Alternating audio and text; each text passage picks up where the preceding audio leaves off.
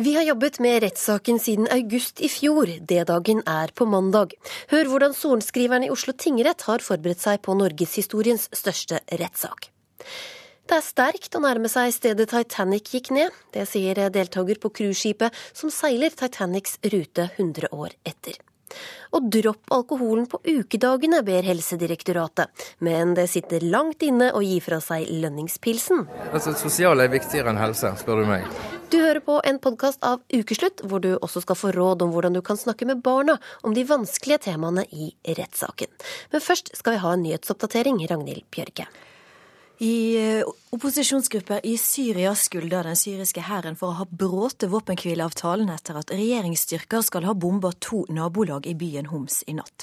Våpenhvila ble satt i kraft torsdag morgen, og så langt halde, med noen unntak. Og Norge kan komme til å sende FN-observatører til Syria. I dag skal Tryggingsrådet i FN avgjøre om de skal sende et observatørkorps på 30 personer til landet.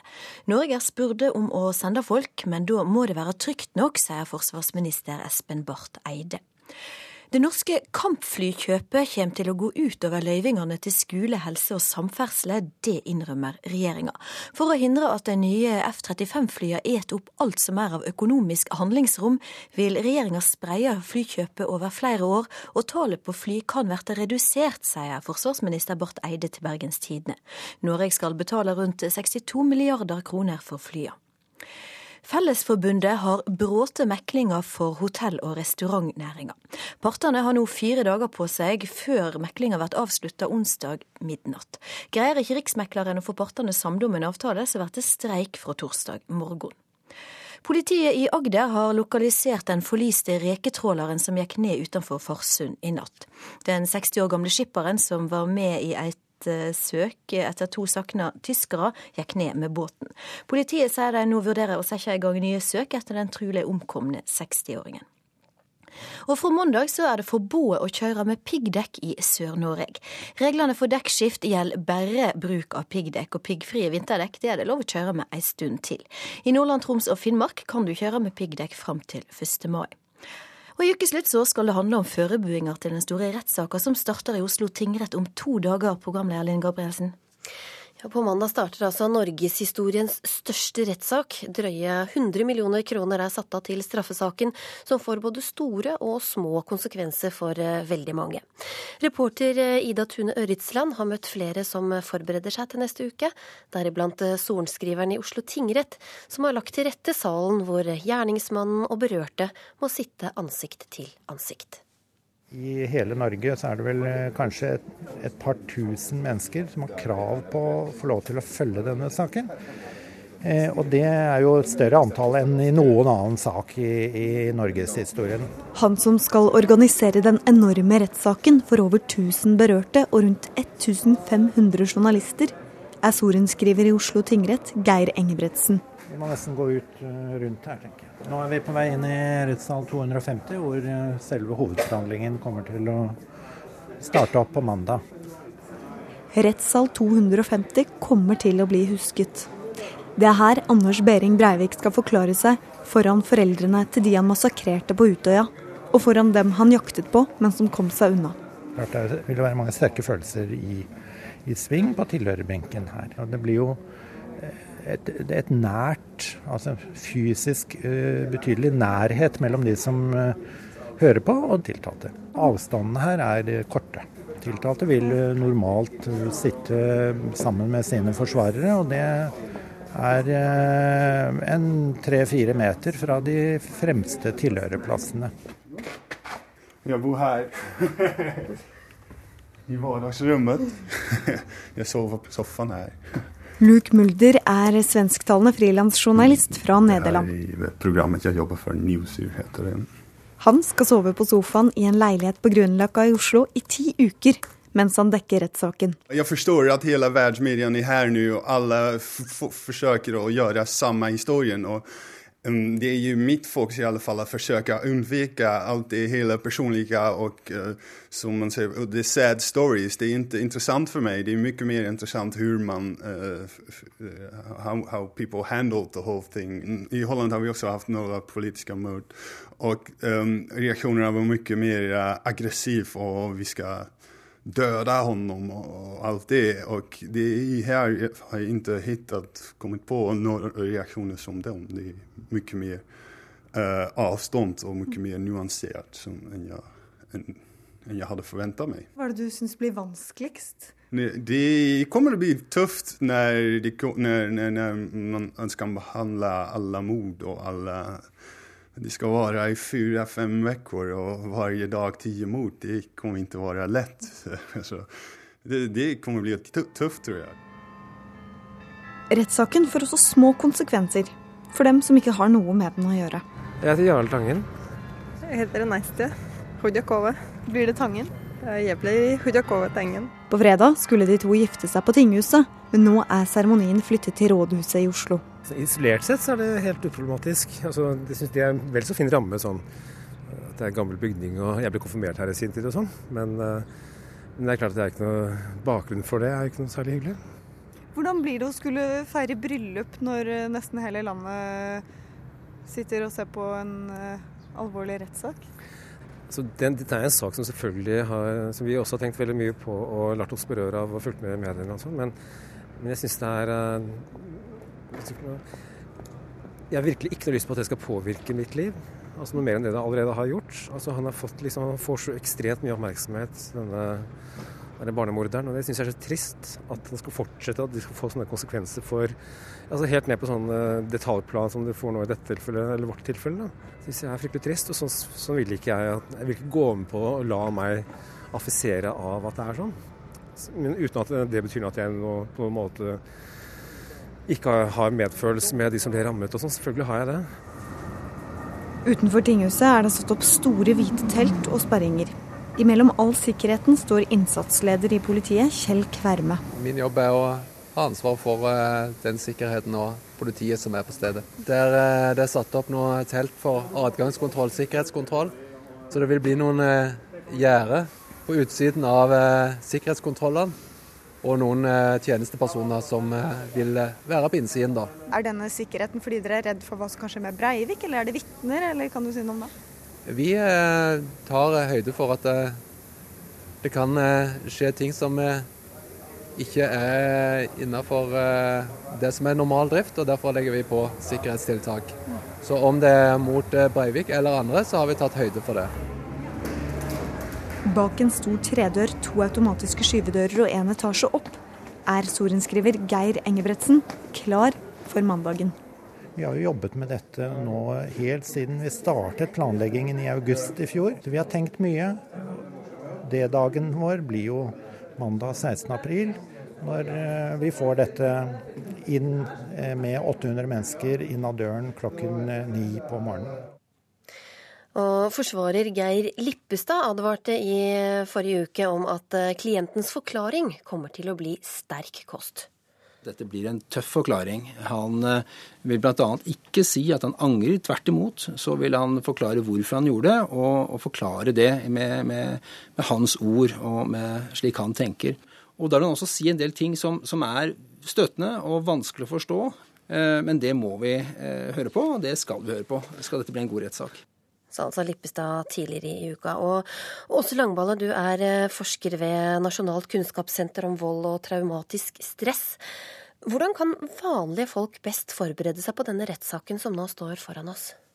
Det er jo et eh, stort spørsmål du stiller, fordi vanlige folk har veldig mange forskjellige behov.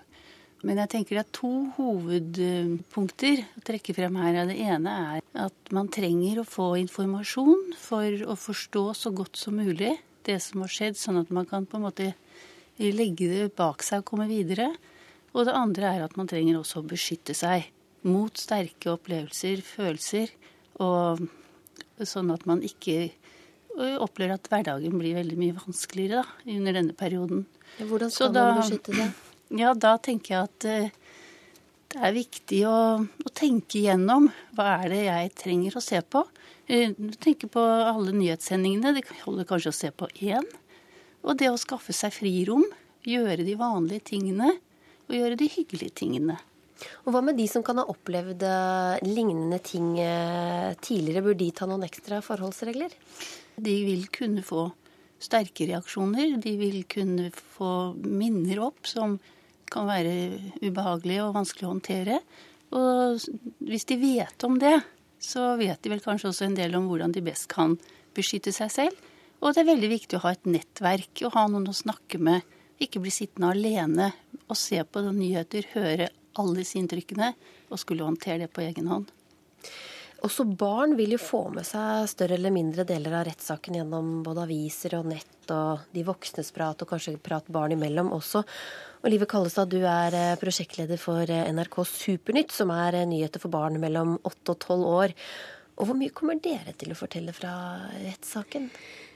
Vi kommer selvsagt til å dekke denne rettssaken, eh, men det blir jo ikke så massivt som i andre nyhetsmedier. Eh, men nå i begynnelsen så blir det nok eh, en god del. Og så vil det være perioder i løpet av disse neste ti ukene hvor vi ikke kommer til å snakke om, om rettssaken i det hele tatt. Og så tenker jeg at det tar seg opp igjen mot slutten.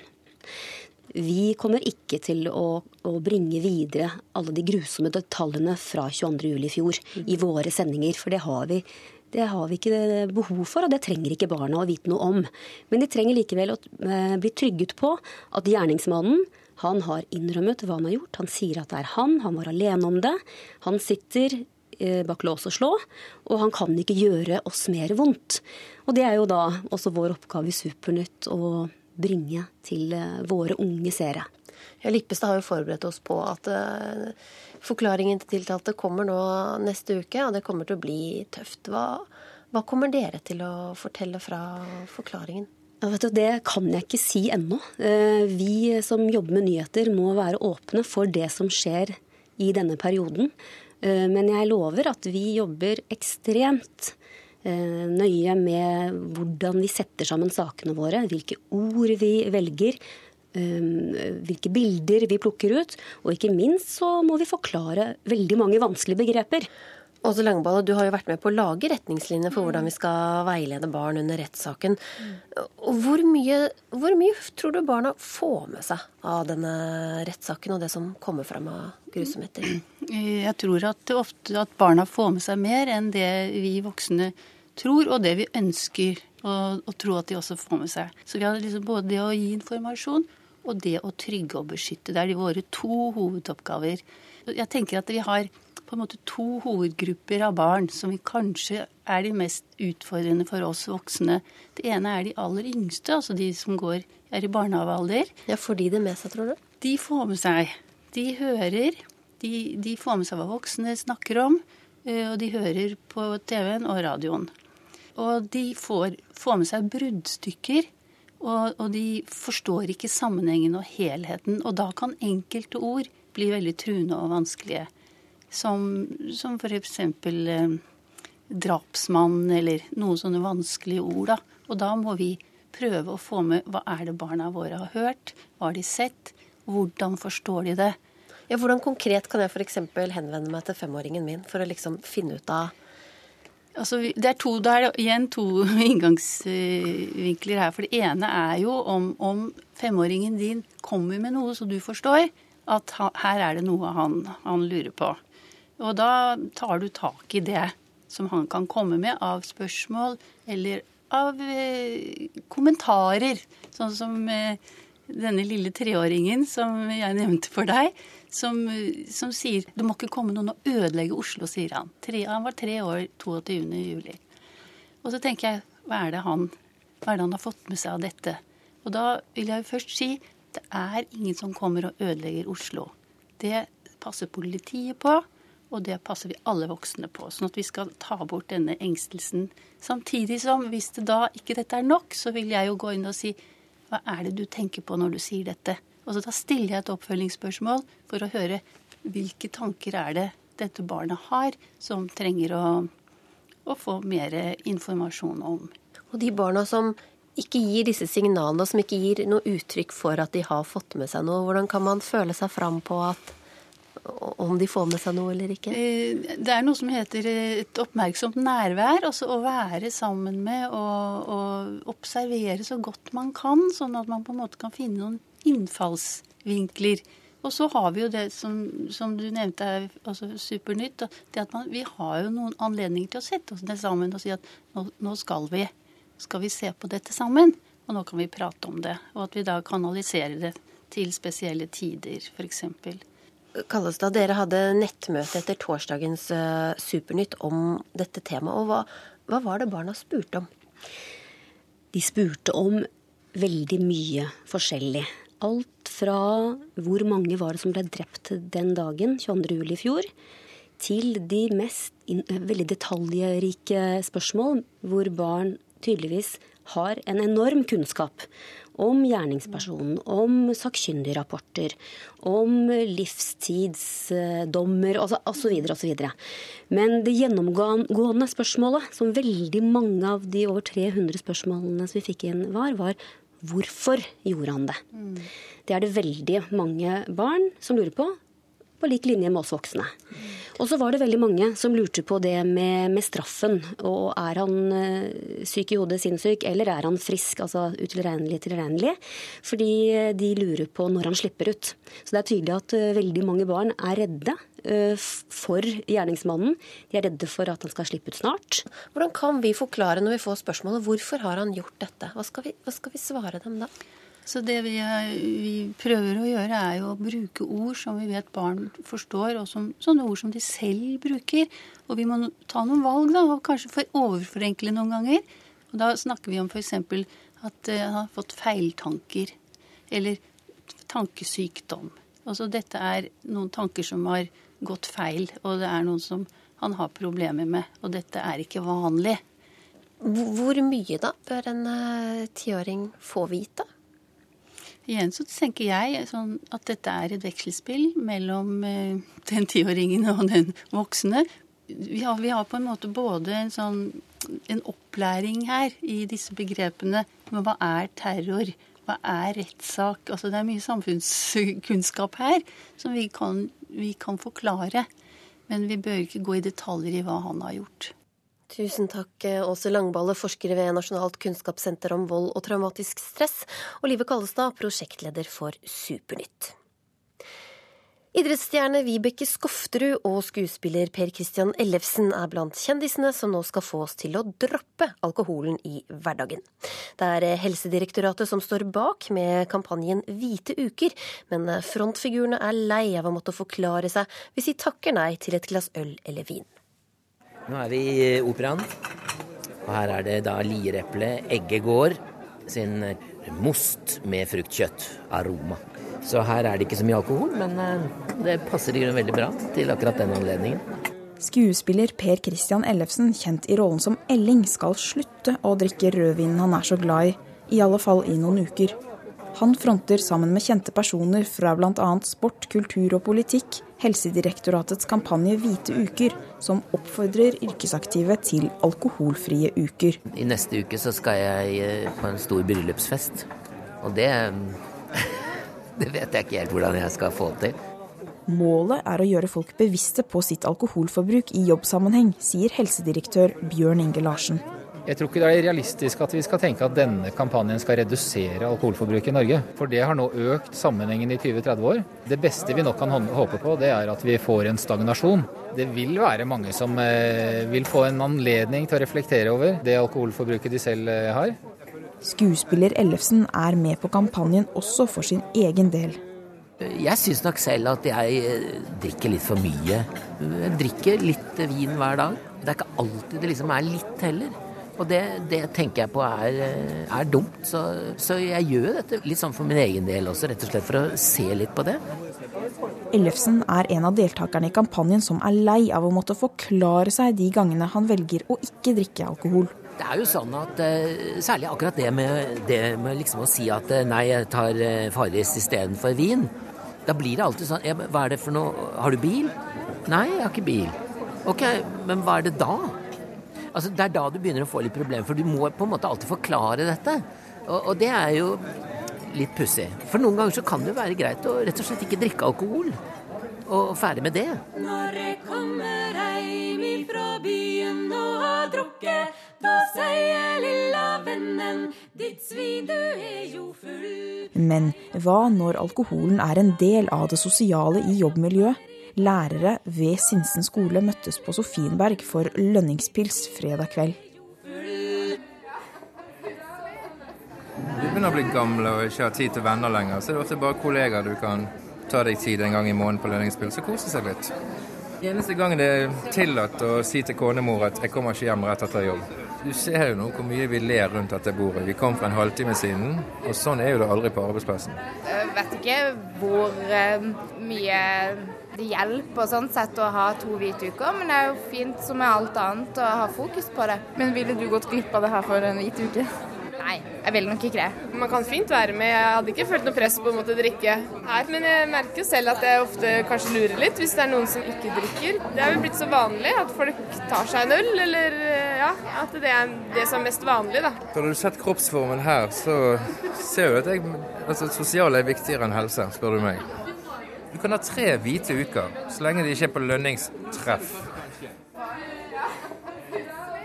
Olympisk mester i stafett Vibeke Skofterud har et bevisst forhold til alkohol, og håper å kunne være en inspirasjon for andre gjennom kampanjen. Ja, jeg leste en sak for ikke så veldig lenge siden der det ble skrevet at borti 30% av alle egenmeldinger på jobben eh, skyldtes fyllesjuke og ikke syke. Da tenker jeg at, eh, at, man har et problem. Så hvis man kan bidra på akkurat den fronten, så, så er jeg veldig, veldig godt fornøyd. Reporter var Jelena Kabo. Du hører på en podkast av Ukeslutt, hvor du straks skal få høre at regjeringa vil kaste ut utenlandske tiggere som er styrt av bakmenn. Det er en inngrodd forestilling at de er ofre for menneskehandel, svarer Kirkens Bymisjon. Titanic ble en myte nesten umiddelbart, forteller forfatter som avslører nye myter i filmsuksessen Titanic. Og Venstre åpner for Jensen for å bli kvitt Jens, men kan de leve i et politisk samliv med Frp, spør Ukeslutt venstrefolket. Regjeringa foreslår å kaste ut utenlandske tiggere som er styrt av bakmenn. Dette vil de gjøre som en del av kampen for å bekjempe menneskehandel. Og Johannes Heggeland, konstituert generalsekretær i Kirkens Bymisjon, dette er eh, dere uenig i. Hvorfor skal de få lov til å tigge her? Det er jo lov å tigge i Norge, så det er jo en debatt for seg. Eh, det å bruke politi eller utkastelse, bortvisning, som middel for å få bukt med menneskehandel, syns vi er en, en, litt spesiell tilnærming, fordi vi tror det er andre tilnærmingsmåter som fungerer mye bedre. Vi må samarbeide med de det gjelder, vi må styrke de i å få makt over sin egen situasjon, eh, ikke å støte de mer ut. Dere konkluderte i en eh, rapport fra 2007 at de færreste utenlandske tiggerne har eh, bakmenn. Hvorfor kommer de hit for å tigge? Folk kommer til Norge for å tigge fordi det i Europa i dag dessverre er svære kontraster mellom rik og fattig, mellom de som er innenfor og de som er utenfor. Mellom de som er godtatt og de som ikke er godtatt. Eh, det er det som driver folk ut på, på veiene, for å si det sånn. Eh, det, det var jo, motivet deres? for å Motivet er er å, tjene penger til seg sjøl og sin familie, og til å få eh, penger til tak på huset og til sykehusopphold og til skolegang for barna. Og den typen motiver altså, er hovedregelen for det vi ser. Også forekommende menneskehandel. Og det er alvorlig, og det må vi motarbeide på alle vis, parallelt. Mm. Jan Bøhler, du er arbeiderpartipolitiker som sitter i justiskomiteen på Stortinget. Hvorfor vil dere ikke ha disse fattige tiggerne i eh, Norge? Det er mange grunner til det. Det første er jo at vi ønsker at disse menneskene skal eh, få et annet liv enn den forferdelige situasjonen det er å skulle sitte og fryse i Oslos gater og tigge om almisser. Det er ingen eh, livssituasjon vi unner noen. Og vi vil heller hjelpe dem i hjemlandet. Og det er litt forenklet å si at dette bare er, bare er eh, noe de tvinges til å gjøre. Altså, nå satses det fra EUs side eh, mange milliarder på sosiale innsatser i Romania. Og eh, Norge også bidrar mye med EØS-midler. Og jeg tror det er også noe man må ta inn over seg, at f.eks. når Brennpunkt NRK hadde en reportasje om tiggermiljøene, så viste de jo tre generasjoner som var i Norge og tigget. Det er noe som går i arv i generasjoner, og vi må prøve å hjelpe dem å bryte den onde sirkelen. Og da tror jeg at vi, ved å tro vi er snille, ved å opprettholde et eh, åpent tiggermarked i Norge, Sånn at den, den onde sirkelen kan fortsette for disse menneskene. Jeg tror vi bidrar på en feil måte. Så jeg mener vi må sette inn eh, mye sterkere samarbeid med rumenske myndigheter. Vi har vært her med justiskomiteen, besøkt dem og diskutert dette her. Eh, og det er ikke sånn at det ikke gjøres noe. Og det, det, det, vi får i hvert fall ikke gjort noe for dem der hvis de ikke er der. Hvis de er i Norge og tigger. Så vi ønsker å snu den trenden. Og så er det dessverre også en del spesielle problemer i, i de miljøene. Det er tilfeller av menneskehandel. Eh, Kripos har kommet med en rapport hvor de viser at barn utnyttes til menneskehandel. Det er en rettssak i Norge nå hvor fire rombarn er eh, utnyttet til menneskehandel, og seks romfolk er stilt for retten for det. Så vi har noen problemer mm. som er alvorlige av den typen. Heggeland, eh, er vi med på å opprettholde den onde sirkelen som disse menneskene er i?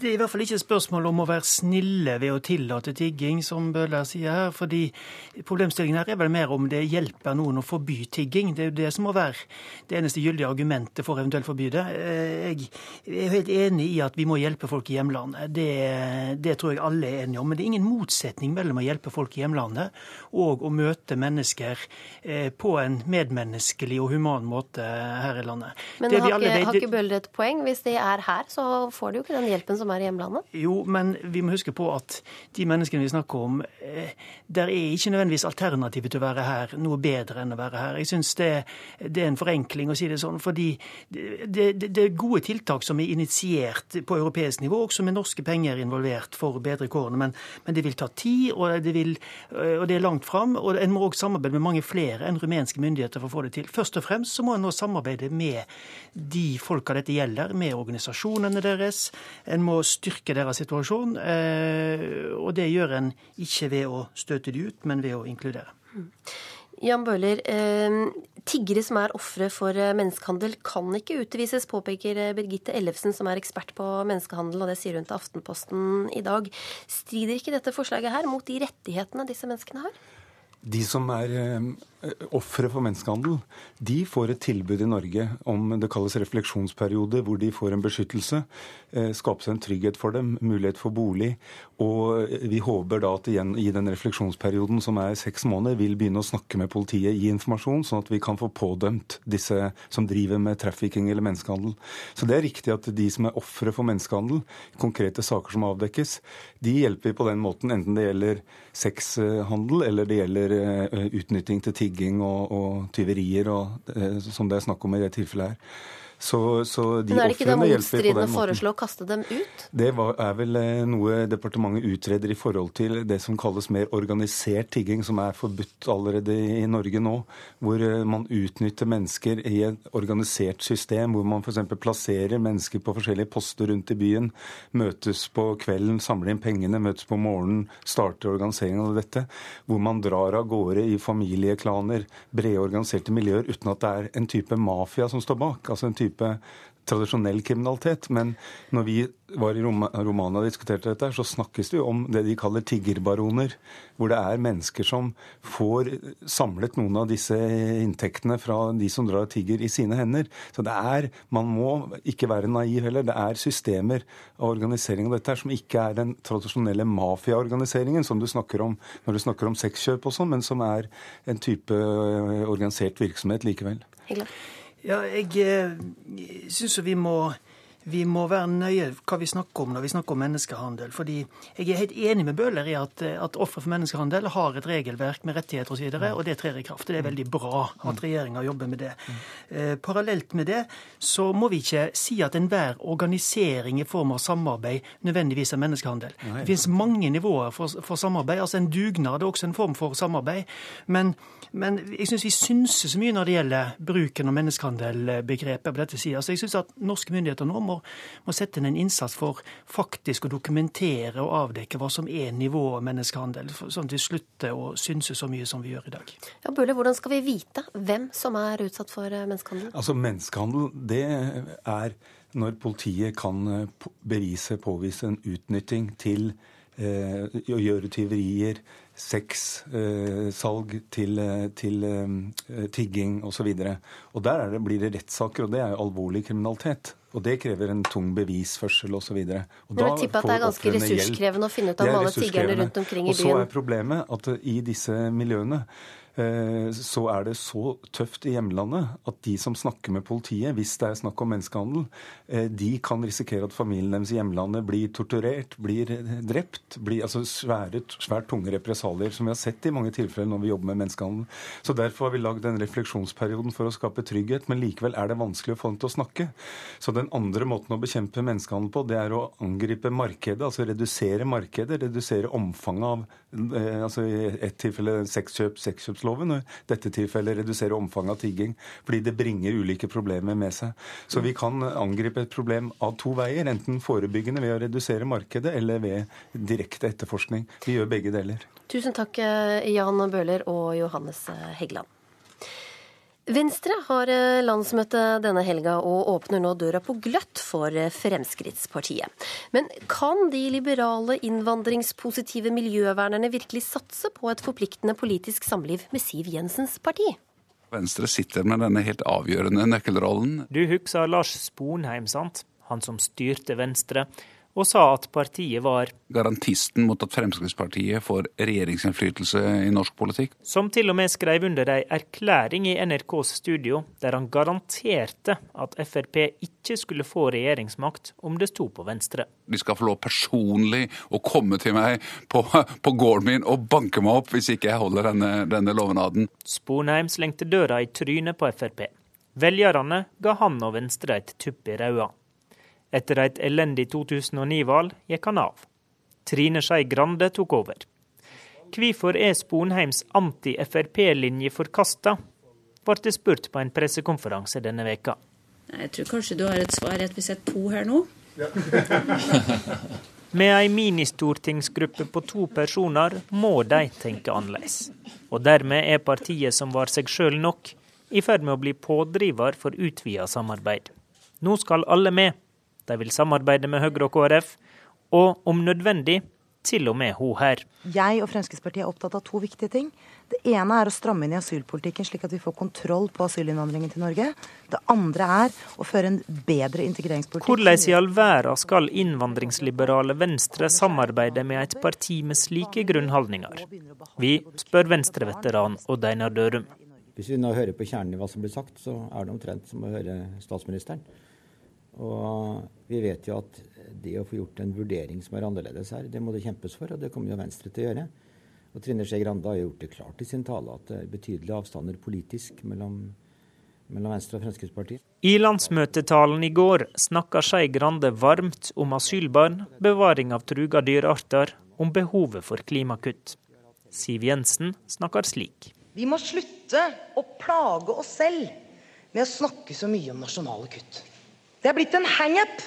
Og jeg forstår ikke problemstillingen. Venstre er inne i et forpliktende klimaforlik med de rød-grønne partiene, og med Høyre og med KrF på Stortinget. Og det er slik i Norge da, at når man har brede og store forlik, så styrer de foran enkeltpartiers særstandpunkter, helt uavhengig av partienes størrelse. Ja, Så du tenker at eh, på det området her, så er det da dermed, i den politiske realiteten, så er det Venstre som er store og Frp som er små? Nei, jeg vil aldri karakterisere partier som store og små. Jeg vil bare si følgende.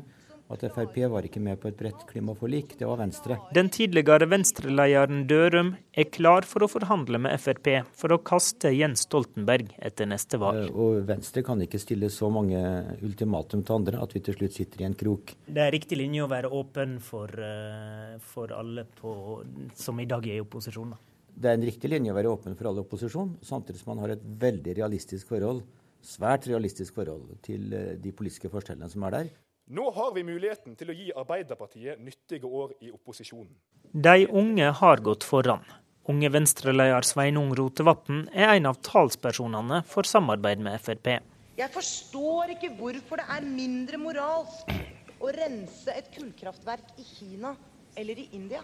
Men hvor glad kan han bli i noe slikt? Nei, altså Jeg eh, blir jo oppgitt selvfølgelig av å høre Frp snakke ned nasjonale klimakutt. Jeg blir jo like oppgitt når jeg hører Arbeiderpartiet gjøre akkurat det samme. Så det er jo eh, ingen tvil om at eh, en har en lang vei å gå i norsk klimadebatt før de andre er der jeg er, nemlig at vi må kutte både ute og hjemme. Selv om avstanden er stor, velger neste generasjon en helt annen linje enn Lars Bonheim gjorde.